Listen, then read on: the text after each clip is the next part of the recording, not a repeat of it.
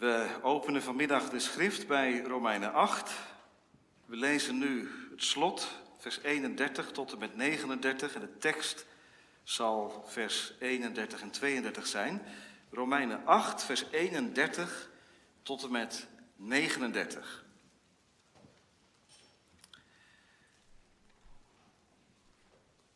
Luisteren wij daar naar de stem van God? Wat zullen wij dan over deze dingen zeggen?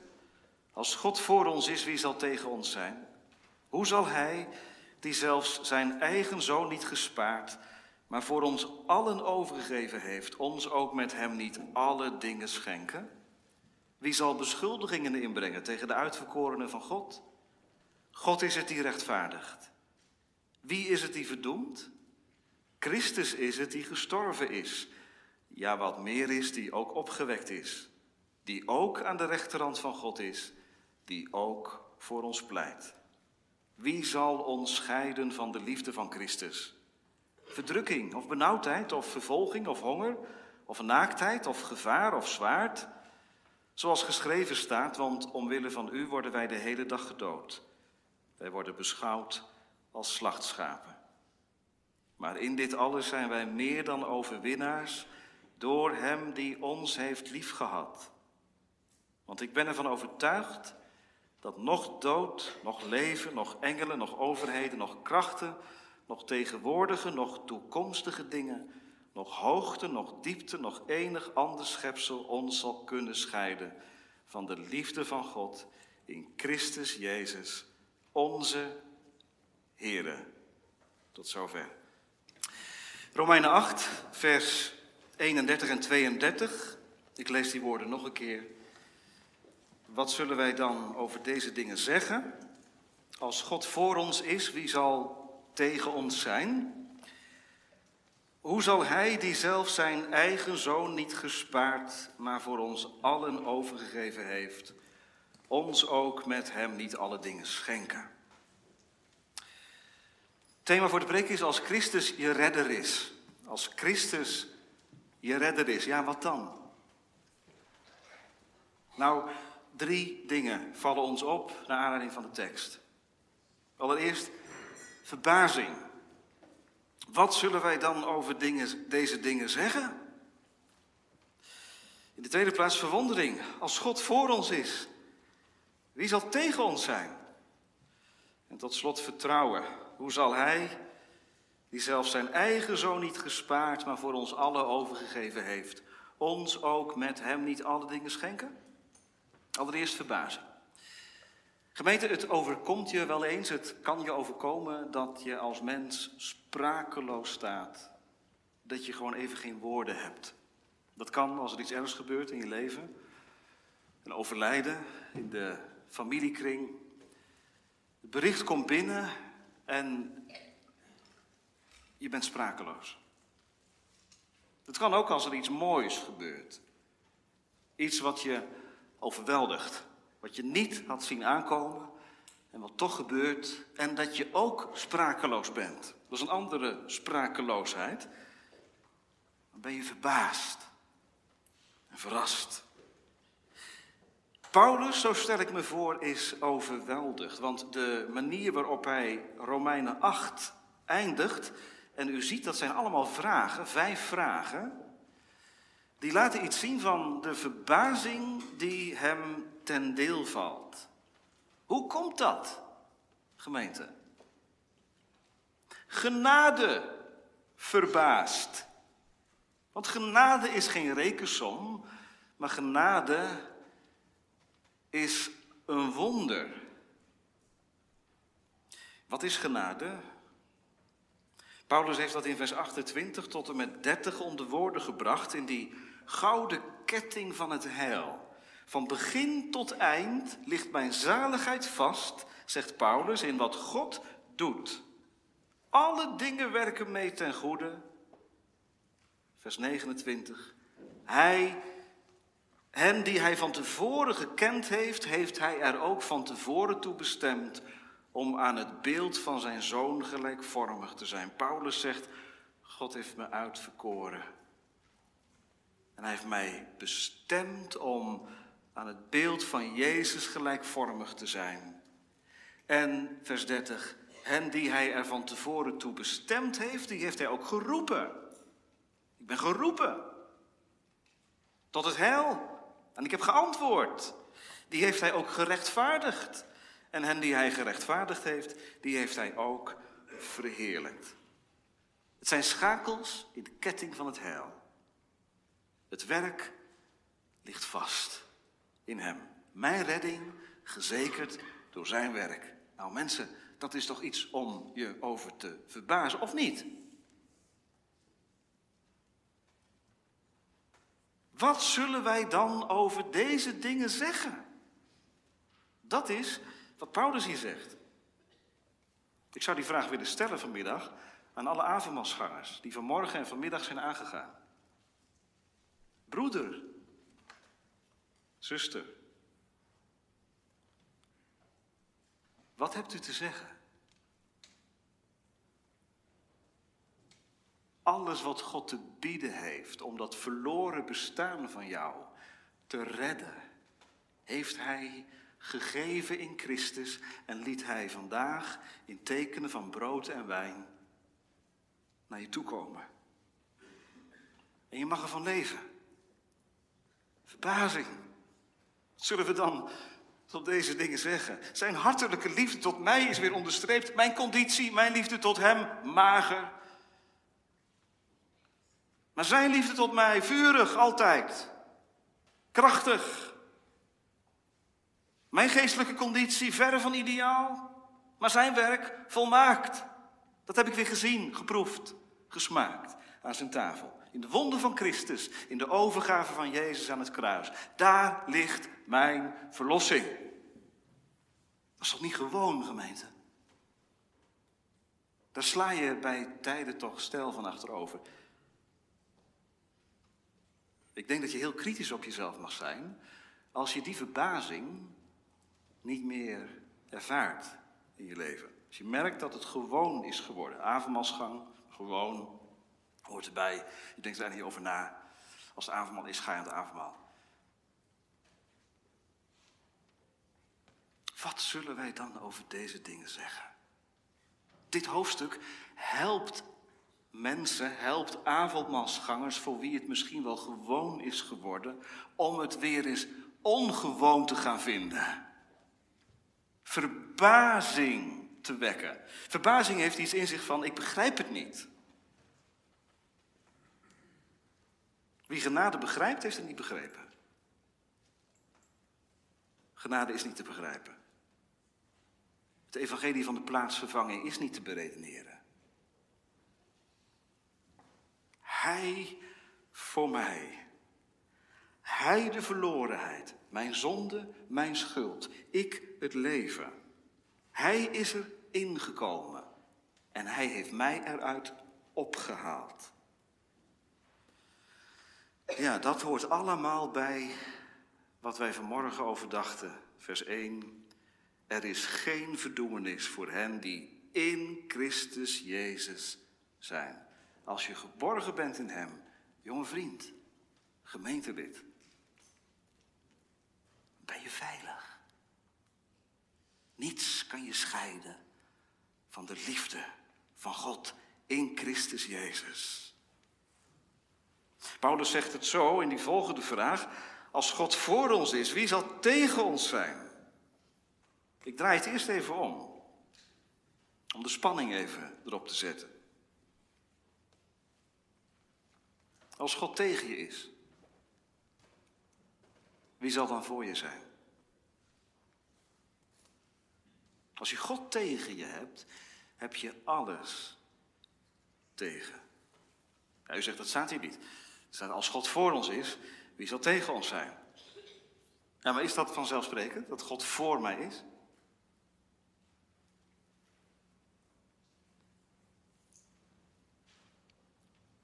God moet tegen mij zijn. Ik heb hem verklaard als tegenstander. En nu is hij voor mij? Hoe kan dat? Misschien zegt iemand wel, is dat wel waar hè? Als God voor je is, dan, ja, wie zal dan tegen je zijn? We zongen net Psalm 73, de psalm van Asaf. Nou ja, hij ziet in zijn omgeving mensen die floreren. Hè? Die hebben een leuk leven, ze genieten, ze hebben lol.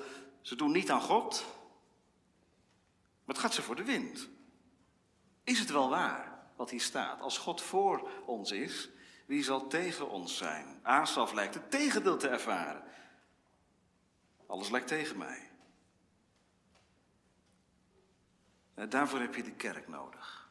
Om te zien dat het echt waar is. Als God voor je is, wie zal dan tegen je zijn? Want hier, vroeger in de tempel, geeft God zicht op het einde. Op dat wat ieder mens zal overkomen als we de laatste adem uitblazen. Dan zullen we staan voor God. En als je God niet voor je hebt, zal Hij tegen je zijn.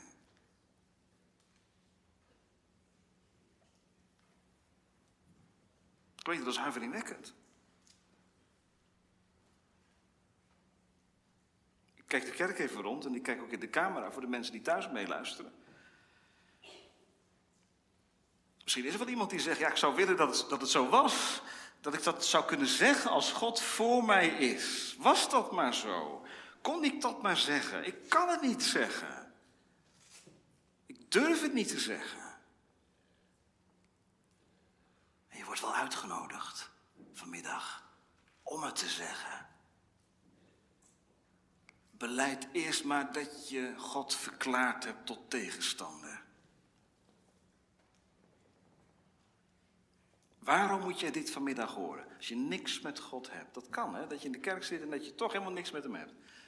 Waarom moet je vanmiddag horen, als God voor ons is, wie zal tegen ons zijn? Dit laat zien hoe bewogen God is met je heil. Hij wil niet de dood van de goddeloze. Het laat hem niet koud. Hij gaat, jij gaat hem aan het hart. Als God voor je is, wie zal tegen je zijn? Hoe denk je de Jordaan van de dood over te komen? Zonder God.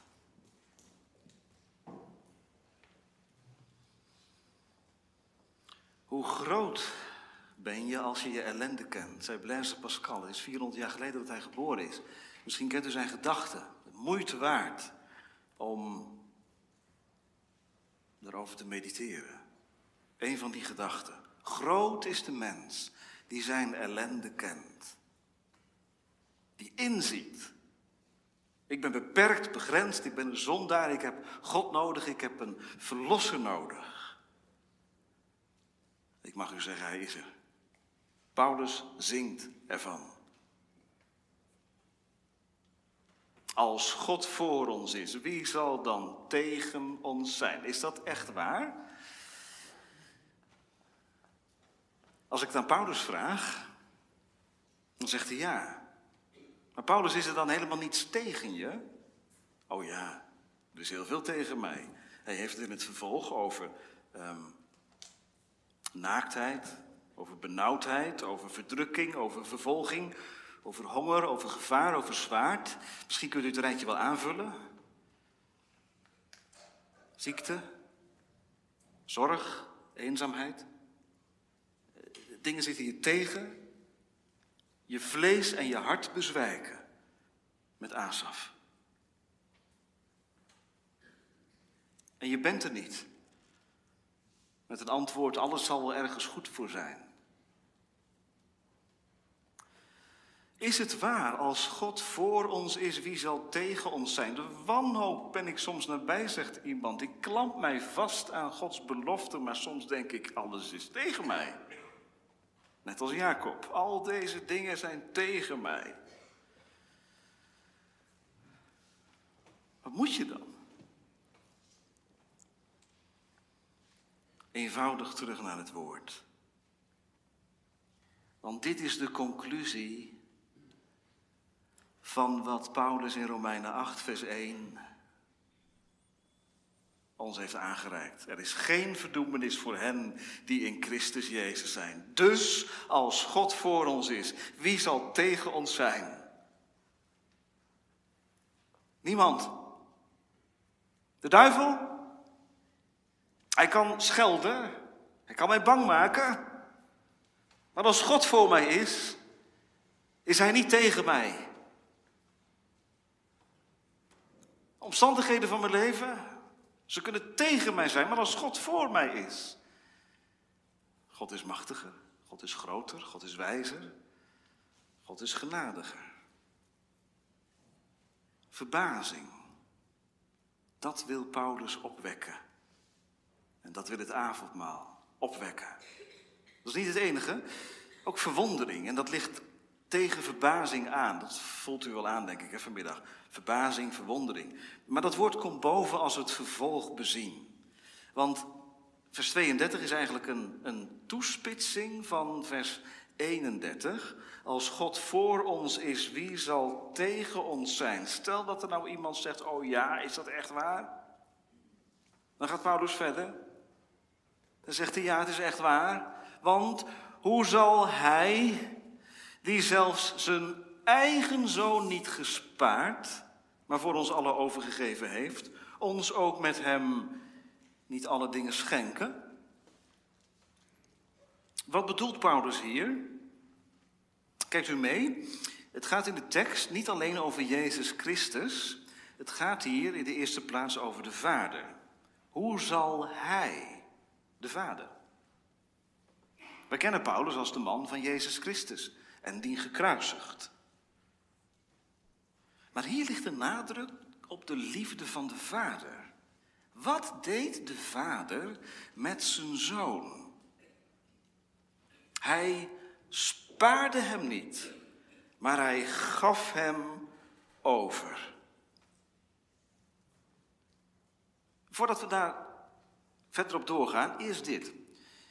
Paulus spreekt hier in dit vers over de band die er is tussen de vader en de zoon. De unieke relatie tussen God de Vader en God de Zoon. Hij en zijn eigen zoon. Dat woordje eigen, dat onderstreept die hele intieme band. Nou, vaders kunnen dat ook hebben. Met hun kinderen, dat is mooi. Stel je een zoon hebt gekregen van God. En eh, die zoon wordt ouder en ouder en je ontwikkelt een goede band met je zoon. Je hebt een klik. Nou, dat gaat niet vanzelf. Ja. Je investeert in tijd en in aandacht. Maar geweldig als je merkt, we hebben een band met elkaar. En er ontstaat groei in de relatie.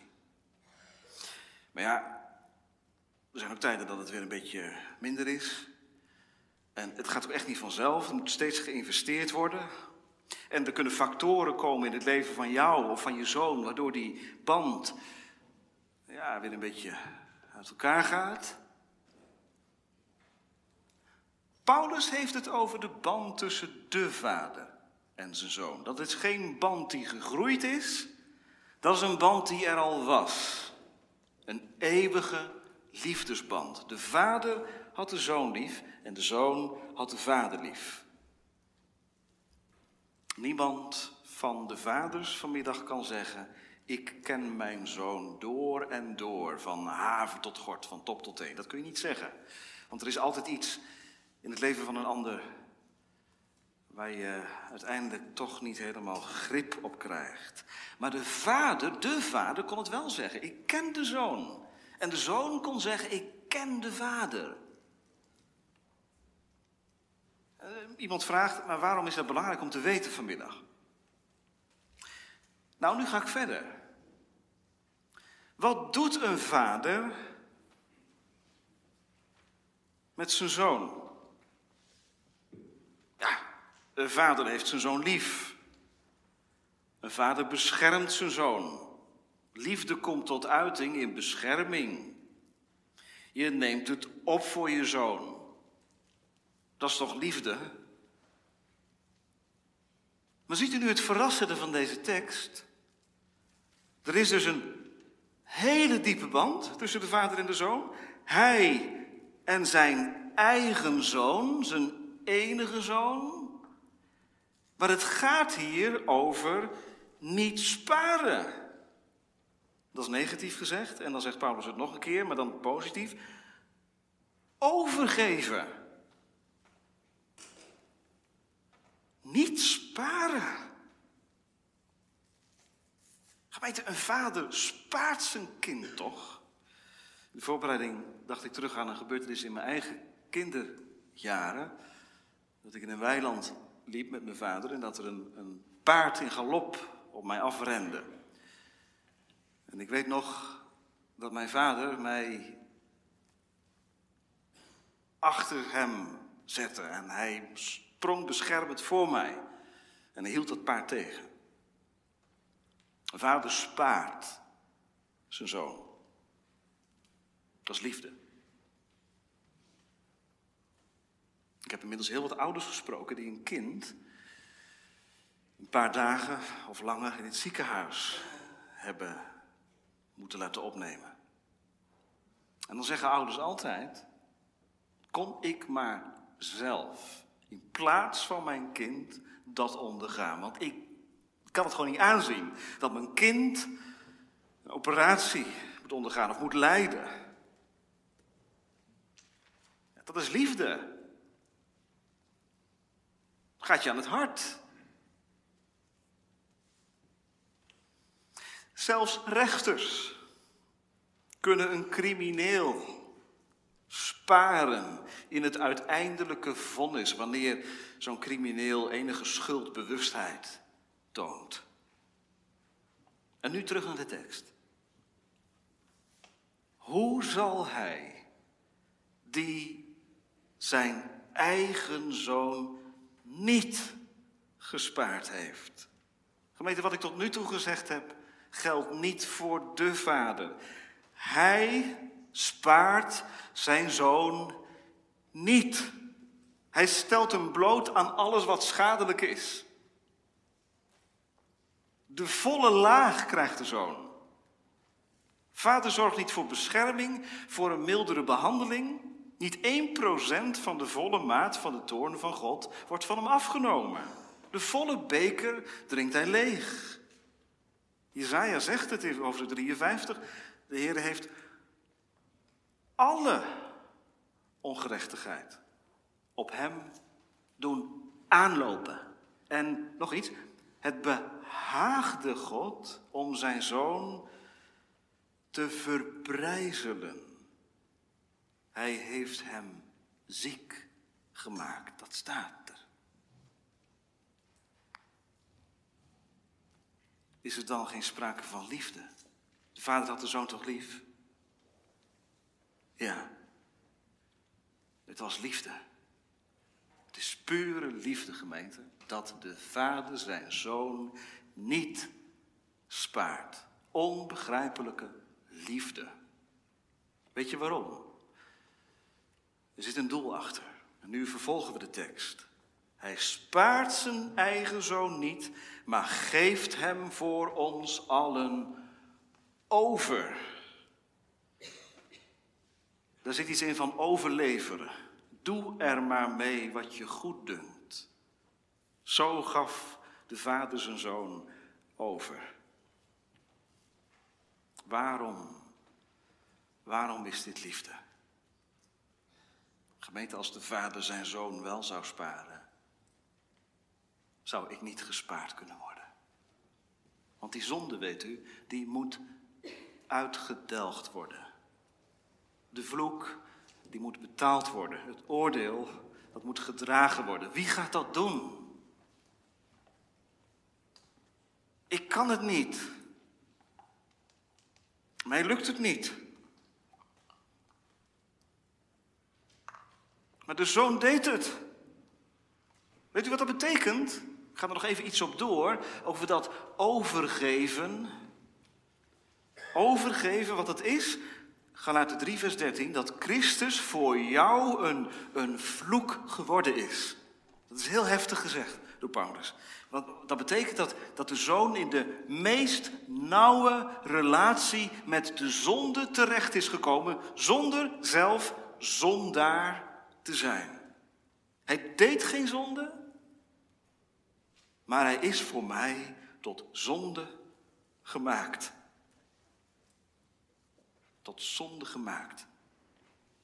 Hij heeft zich de zonde zo aangetrokken, hij heeft zich mijn misère zo aangetrokken dat hij ging. En dat de Vader hem niet spaarde. Mijn zonde, die de toorn van God opwekt en oproept. Er zijn geen verzachtende omstandigheden voor, voor aan te dragen, gemeente. Ik sta schuldig. Maar de Vader zendt zijn zoon. Hij spaart zijn zoon niet. De toorn van God treft hem. De Vader haat zijn zoon niet. Hij heeft zijn zoon lief. Hij haat de zonde. En daarom straft hij zijn zoon, die zich mijn zonde aantrekt. Die één pakket wordt met mijn zonde. Als Christus je redder is, heb je dat vandaag beleden. Dat kwam naar je toe, brood en wijn. Hij mijn vloek, ik de zegen. En zo is hij gegaan. De zoon van God. Hij is gevecht aangegaan. Met de machten die mij kunnen benauwen. Met de krachten uit de hel. Het is de liefde van de Vader dat Hij zijn Zoon heeft overgegeven. Voor ons allen staat daar. Wie zijn dat? Dat zijn de mensen die Paulus in vers 28, 29 en 30 bedoelt. Degenen die God lief hebben. Voor wie alle dingen meewerken ten goede. Het zijn de kinderen van God. Jij kunt er nog bij hoor. Je moet dat niet horen als een beperking vanmiddag, maar als een uitnodiging. Hij heeft zijn eigen zoon niet gespaard. Stop ermee om naar jezelf te kijken of je, of je goed genoeg bent, of je geschikt bent. Er is maar één iemand geschikt, dat is de zoon. Zoek in hem het leven. Hij is geschikt. De zoon heeft zichzelf overgegeven. De vader gaf het beste wat hij had. En nu verder, als hij het beste, het meeste wat hij had gegeven heeft, zal hij ons ook dan met hem niet alle dingen schenken? Dat is een manier van zeggen, dat is een retorische manier van zeggen, die heel sterk overkomt. Paulus redeneert van het meerdere naar het mindere. Het meerdere is, God geeft zijn zoon. Het mindere is, alle dingen zal hij met hem schenken. Dat is een belofte voor de toekomst. Avondmasgangers. Daarmee mag je het leven in. Alle dingen worden je geschonken. Alle dingen. Ja, dat is wel een oefening voor het, in het geloof, zeker. Dat vraagt vertrouwen. Laatste gedachte. Je kunt niet vooruitkijken. Je weet niet hoe de dag van morgen eruit ziet. En de week die voor ligt. Dat hoeft ook niet. Christen mag zo ontspannen zijn. Alle dingen schenkt hij. Met zijn zoon. Ja, ik hoor het mezelf zeggen hoor. Een christen mag ontspannen zijn. Als er één niet ontspannen is, ben ik het. En toch zeg ik het. Ik zeg het tegen mezelf en ik zeg het tegen u. Als je van Christus bent, alle dingen zullen je worden geschonken. Alle dingen. En nu gaan we niet concentreren op alle dingen. Dat is een verleiding. Maar we concentreren ons vanmiddag op met Hem. God gaf zijn zoon voor ons en met Hem geeft Hij ook alle dingen. Die staat dus niet dat God alles geeft wat je wil. Alles geeft waarop je hoopt. Alles wat je fijn vindt. Wat je helpt. Wat je een wat plezieriger leven geeft. Een meer ontspannen gevoel. Een wat vrolijker leven. God geeft niet alle dingen. God onthoudt ook dingen. Maar Paulus zegt met hem schenkt hij alle dingen. Alle dingen die met hem verbonden zijn en die ervoor zorgen dat ik meer verbonden raak, meer leef uit hem, dat zal hij mij schenken. Als God het allergrootste in de geschiedenis 2000 jaar geleden deed, mag ik morgenochtend daarna terugwijzen. Als ik de werkweek begin en mijn stille tijd, dan zeg ik, Heer, hier staat het. U hebt uw eigen zoon niet gespaard, dat hebt u niet gedaan. U hebt hem voor mij overgegeven. Zult u vandaag ook met hem niet alle dingen schenken? Als je geconfronteerd wordt morgen met je geestelijke conditie, die zo ondermaats is, mag je op basis van deze tekst zeggen, Heer, u gaf uw zoon, zult u mij ook met hem niet alle dingen schenken? Geef nu de vreugde van uw heil. U gaf toen alles. Geef met hem vandaag alle dingen die ik nodig heb. Als je verleid wordt door de Satan, om het geloof vaarwel te zeggen. Of als je voortdurend die aanvechtingen hebt, vunzige verlangens, smerige gedachten in je hoofd en die komen op. Je wilt ze wegduwen en het lukt niet. Of van die moedeloosmakende gedachten die je helemaal verlammen en die ervoor zorgen dat je somber door het leven gaat. Mag deze tekst gaan functioneren? Bedenk dat God zijn zoon gaf. Hij gaf alles. Zal hij ook met hem dan niet alle dingen schenken? Als je denkt aan de dood, aan de verschrikking, aan het loslaten van je geliefde. Hoe moet dat? Bedenk dat de Vader zijn zoon gegeven heeft, opdat de angel uit de dood gehaald zou worden, zodat jij, die misschien met angst voor de dood bevangen bent, mag zeggen: Dood, waar is je overwinning? God heeft zijn zoon niet gespaard, maar voor ons allen overgegeven. Wat wil, wat wil God? Dat ik met de beloften omga, uit de beloften leef. Als je chronisch ziek bent, zo vaak moe, onbegrepen mensen leven door en snappen je niet. Dan is deze tekst een woord waar je je vinger bij mag leggen. God heeft zijn eigen zoon gegeven. Hij gaf alles. Zal hij het mindere dan niet geven? Hij zal het goede niet onthouden aan hen die in oprechtheid voor hem leven. Als je graag heilig wilt leven. Vurig verlangen. Meer toekomstgericht. Maar het lijkt geen progressie te zijn. Dan zeg ik vanmiddag tegen je, bedenk dat de vader zijn zoon gaf. Hij gaf alles. Opdat het mindere ook gegeven zal worden. Want als de vader toen alles gaf, zal hij ons ook met hem niet alle dingen schenken? Met hem. Met hem. Het is als het uitpakken van een cadeau. Ik mag gaan ontdekken dat mij in hem alles gegeven is om dit leven door te komen en mij voor te bereiden op de toekomst die komen gaat. Daar gaan we naartoe. Daar gaat het naartoe. En die toekomst komt ook op ons aan. Gemeente, nog even. verdrukking van tien dagen.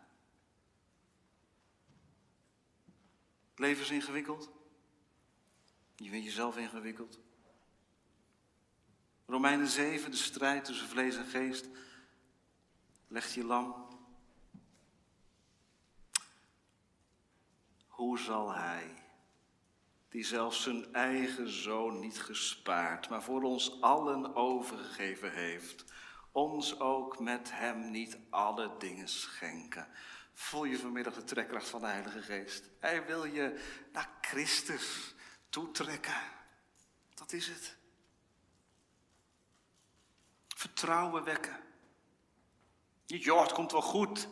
Maak er wat van. Nee, met Hem alle dingen schenken. Gemeente, dan heb je genoeg, want veel meer dan het meeste wat je vroeg is in Hem gegeven. Weet je, dan kan ik zingen in de nacht, dat ik Hem verwacht. Dan zing ik van de goedheid van Israëls God. Terwijl als ik om me heen kijk, de omstandigheden mij weinig vertrouwen inboezemen. Als ik Hem zie, dan weet ik het. Het gaat goed, het komt goed, want de Vader gaf zijn zoon voor mij en zal hij ons ook met hem niet alle dingen schenken. Nou, wat een geluk hè? Als je christen bent, als je van Christus bent, als je in leven en sterven eigendom bent van Hem, dan is dit het geheim waaruit je leeft. Dat moederige is er vanaf. Je leeft uit zijn hand. En zijn hand leidt je naar het vaderhuis. O gemeente, daar gaat het naartoe. En tot die tijd zingen wij over de goedheid van God, die zeer te prijzen is. Laat ieder zere goedheid loven. Als Christus je redder is, zing van deze genade. Al snap je er niets van. Al klaag je soms met Jacob, alle dingen zijn tegen mij. Maar door het geloof zeg je het. Als God voor ons is, wie zal dan tegen ons zijn? Amen.